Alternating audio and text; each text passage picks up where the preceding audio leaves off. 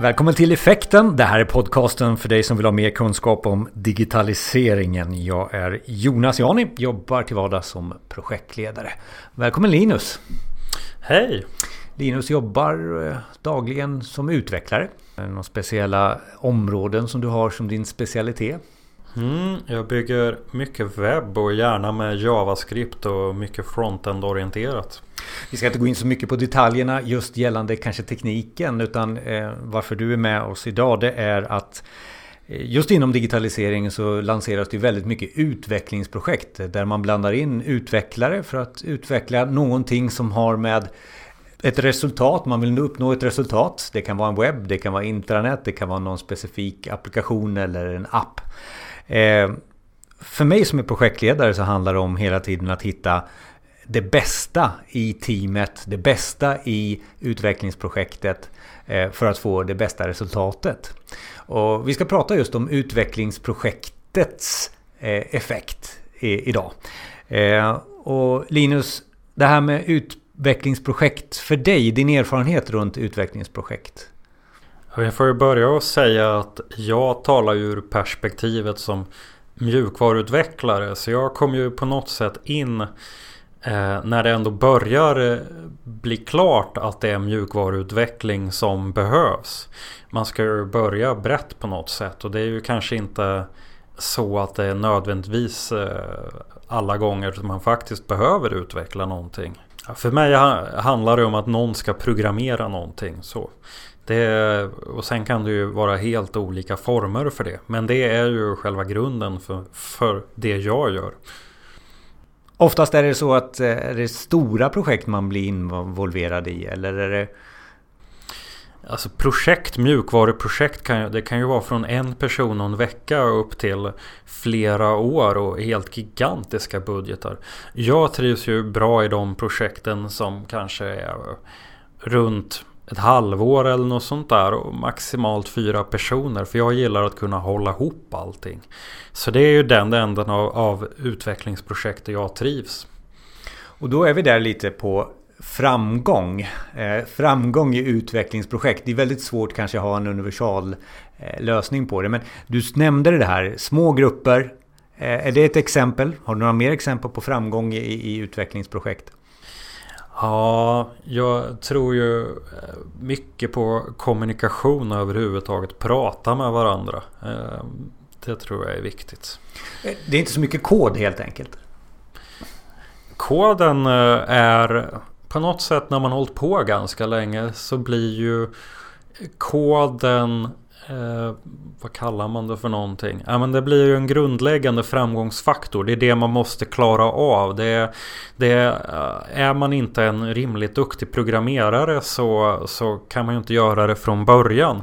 Och när man är förbi den tröskeln att det inte längre är det tekniska som är den största utmaningen. Då inser man ju att det är andra saker som är Eh, de verkliga utmaningarna. Så att egentligen säger du det, när, när någon är på jakt efter någon som kan eh, något specifikt språk så kanske det är fel jakt man egentligen håller på med. Utan egentligen är det kodaren, kan, utvecklaren kan klara av det mesta egentligen om man har en erfarenhet. Lite beroende på storleken på gruppen. Det kan ju handla om att eh, det är en ganska stor grupp och i den kan det ju vara så att någon kan fylla en rent teknisk roll. Men om man som mig jobbar i lite mindre utvecklingsprojekt så är det ju definitivt bra att ha utvecklare som har flera strängar på sin lyra. Precis som jag tycker det är bra att ha projektledare som förstår teknikens realiteter och eh, kan eh, relatera till varför vissa saker är möjliga att göra och varför vissa saker inte är möjliga att göra. Och exempel bara för att eh, Ja, när Disney Animation Studios, när Disney det stora företaget köpte upp Pixar. Då hade ju de ambitionen att lägga ner sin egen animationsavdelning därför att Pixar hade tagit över som de som kunde göra bra saker. Eh, så de sa till Pixar-chefen att okej okay, nu tar ni över här och nu kan ni ta och lägga ner Disney Animation Studios och sen kommer i praktiken Pixar bli vår nya animationsavdelning. Men Pixars grundare och VD de tyckte det de två som grundar företaget att nej eh, Disney Animation Studios det här har ju gjort fantastiska saker. Det är ju våran barndom och de kan göra fantastiska saker i framtiden. Och tittade på eh, företaget och varför det blev så konstigt med Disney.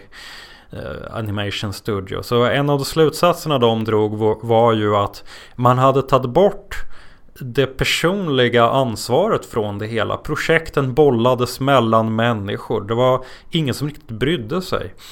Och Pixar-människorna tyckte att en av deras framgångsfaktorer var att varje projekt som ska göras hos Pixar, om det ska vara, den, den ska ha en person som är eh, gudfar eller gudmor eller, eller som har det som sin bebis. Oftast en regissör som är med projektet från början när man ritar upp det hela vägen fram till så att man har animerat och fått ut allting.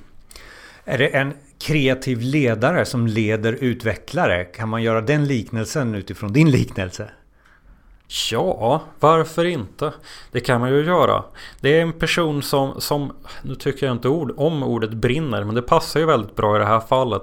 Det är en person som har projektet som sin egen bebis och eh, på så sätt garanterar att projektet hålls ihop att det inte blir någonting som lite studsar emellan olika stolar. Om jag ska ta det tillbaka till min egen erfarenhet av utveckling jag har varit inblandad i. Så är de bästa projekten de där vi har haft någon som haft projektet som sin egen bebis. Och det har väl ofta varit jag därför att jag jobbar gärna på det sättet.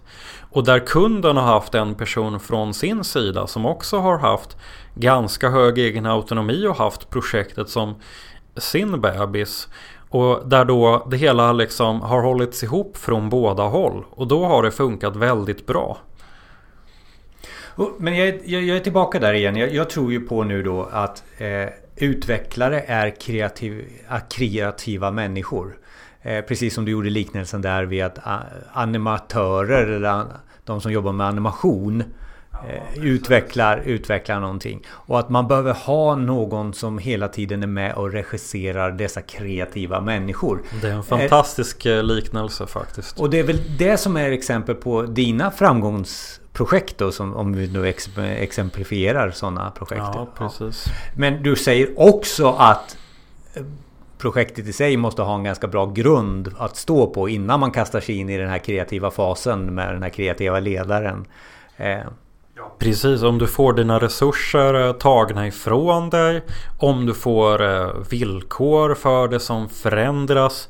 Då blir det ju väldigt svårt. Du måste ju ha ett tillräckligt tydligt mandat och en tillräckligt tydlig uppgift från början. Vad är det vi vill upp, eh, uppnå här? Är det fantastisk familjefilm för barnen som innefattar drakar?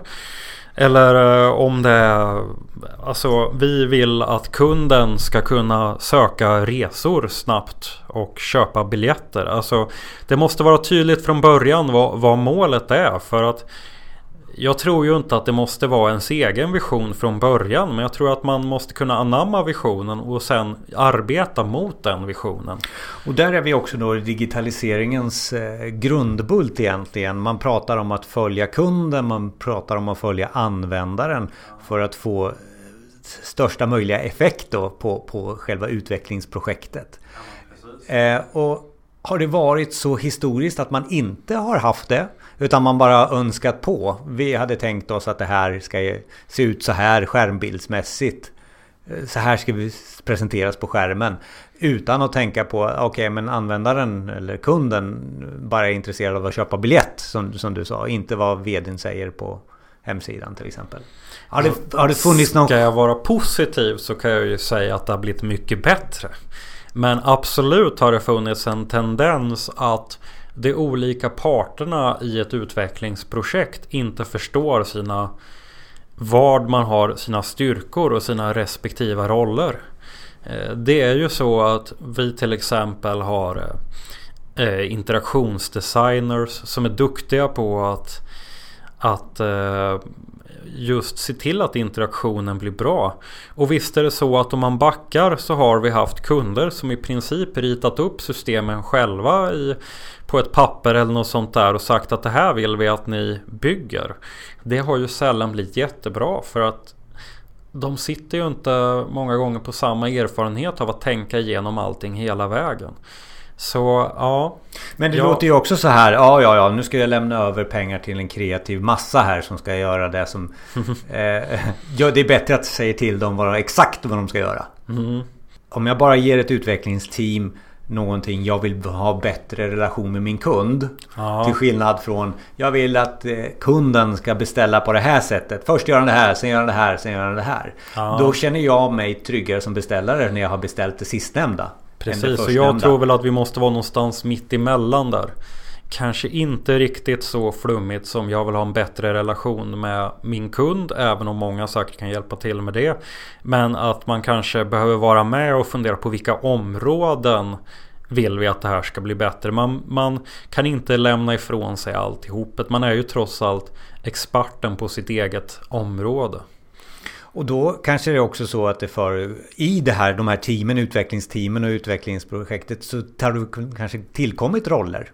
Det är inte bara ni utvecklare utan det kan vara andra roller som tittar på användarupplevelsen och ja, designen runt omkring det. Och det är ju så fantastiskt. Jag har hållit på med det här i Ja, jag har ju fått betalt för att göra det här i sju år. Och det blir ju bara roligare därför att eh, det blir så givande när vi är fler partner inblandade som bidrar med olika expertis i det. Jag slipper göra eh, saker som jag kan göra lite halvdant och kan fokusera på att göra saker på de områdena där jag är bra.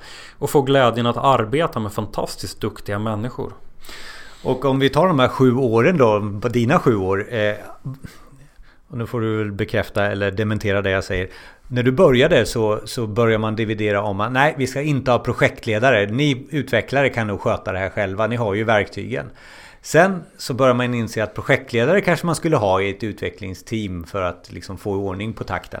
Nu känner jag att man ska också lägga på de här användar eh, experterna som kan eh, skapa en bättre användarupplevelse för systemen. Har vi, gått, har vi gjort den där resan? Vi har gjort resan. Sen kanske jag inte håller med om att projektledare ansågs vara onödiga från början. Eh, men eh, professionalismen vad det gäller att vad ska jag säga, göra förarbetet har blivit mycket högre. Tendensen var ju förr Observera, det här är inte agil utveckling. Det här är bara dumhet. Men tendensen var ju att, att någon hade ritat upp Eh, det vi skulle göra. Gärna en reklambyrå eller något liknande.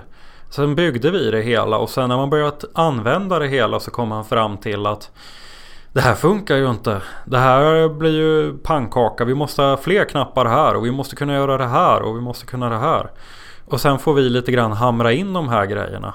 Och i bästa fall får vi liksom designa om alltihopet lite senare för att det ska hänga ihop. Och i sämsta fall så har vi bara tryckt dit ett gäng knappar till. Och det händer mycket mindre idag.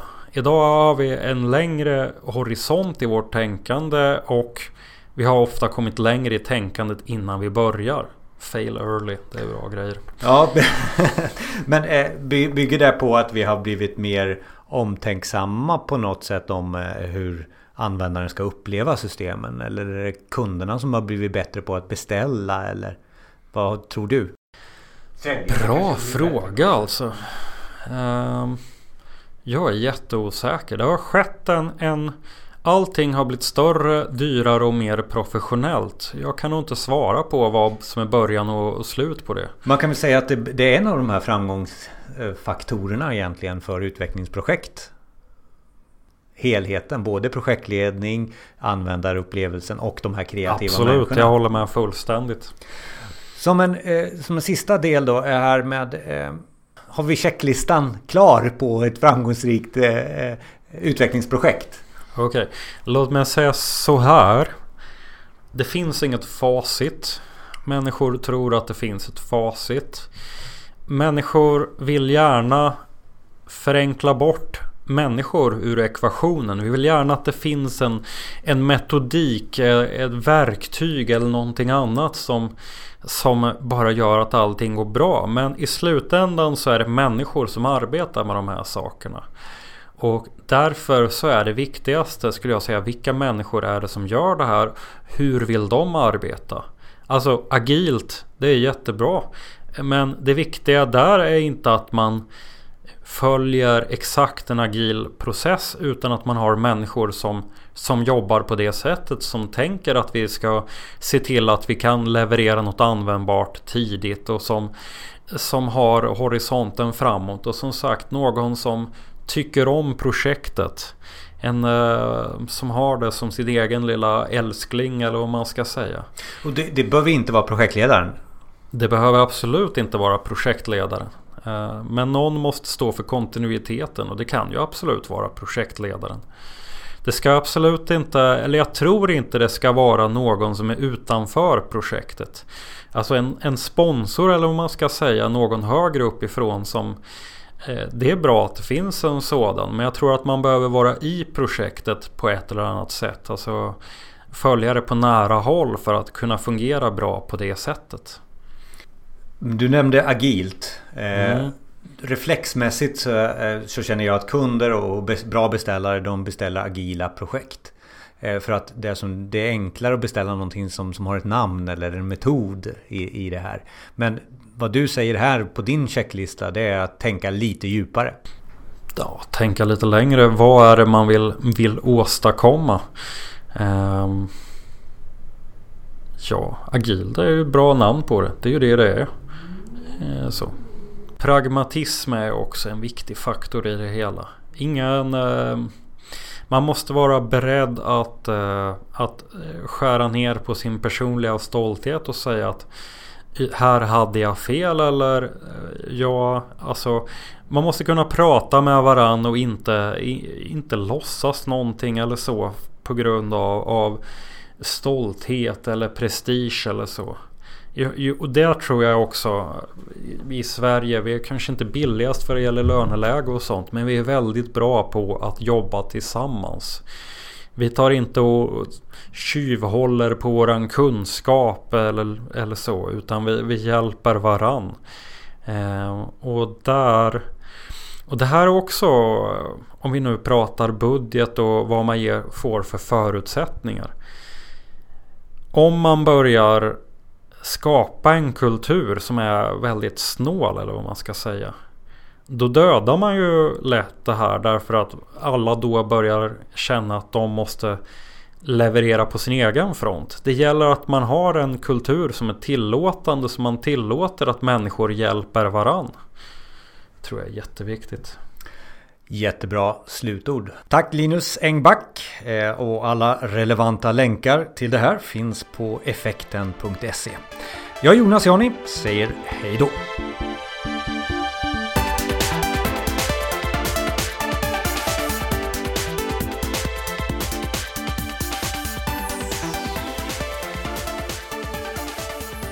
Tack för att du lyssnade. Vi finns för dig som är beställare, konsult eller intresserad av digitaliseringen. Dela med dig av frågor och kunskap till oss. Maila oss på info effekten.se info effekten.se Och prenumerera på effekten, det gör du via iTunes eller där du hittar poddar.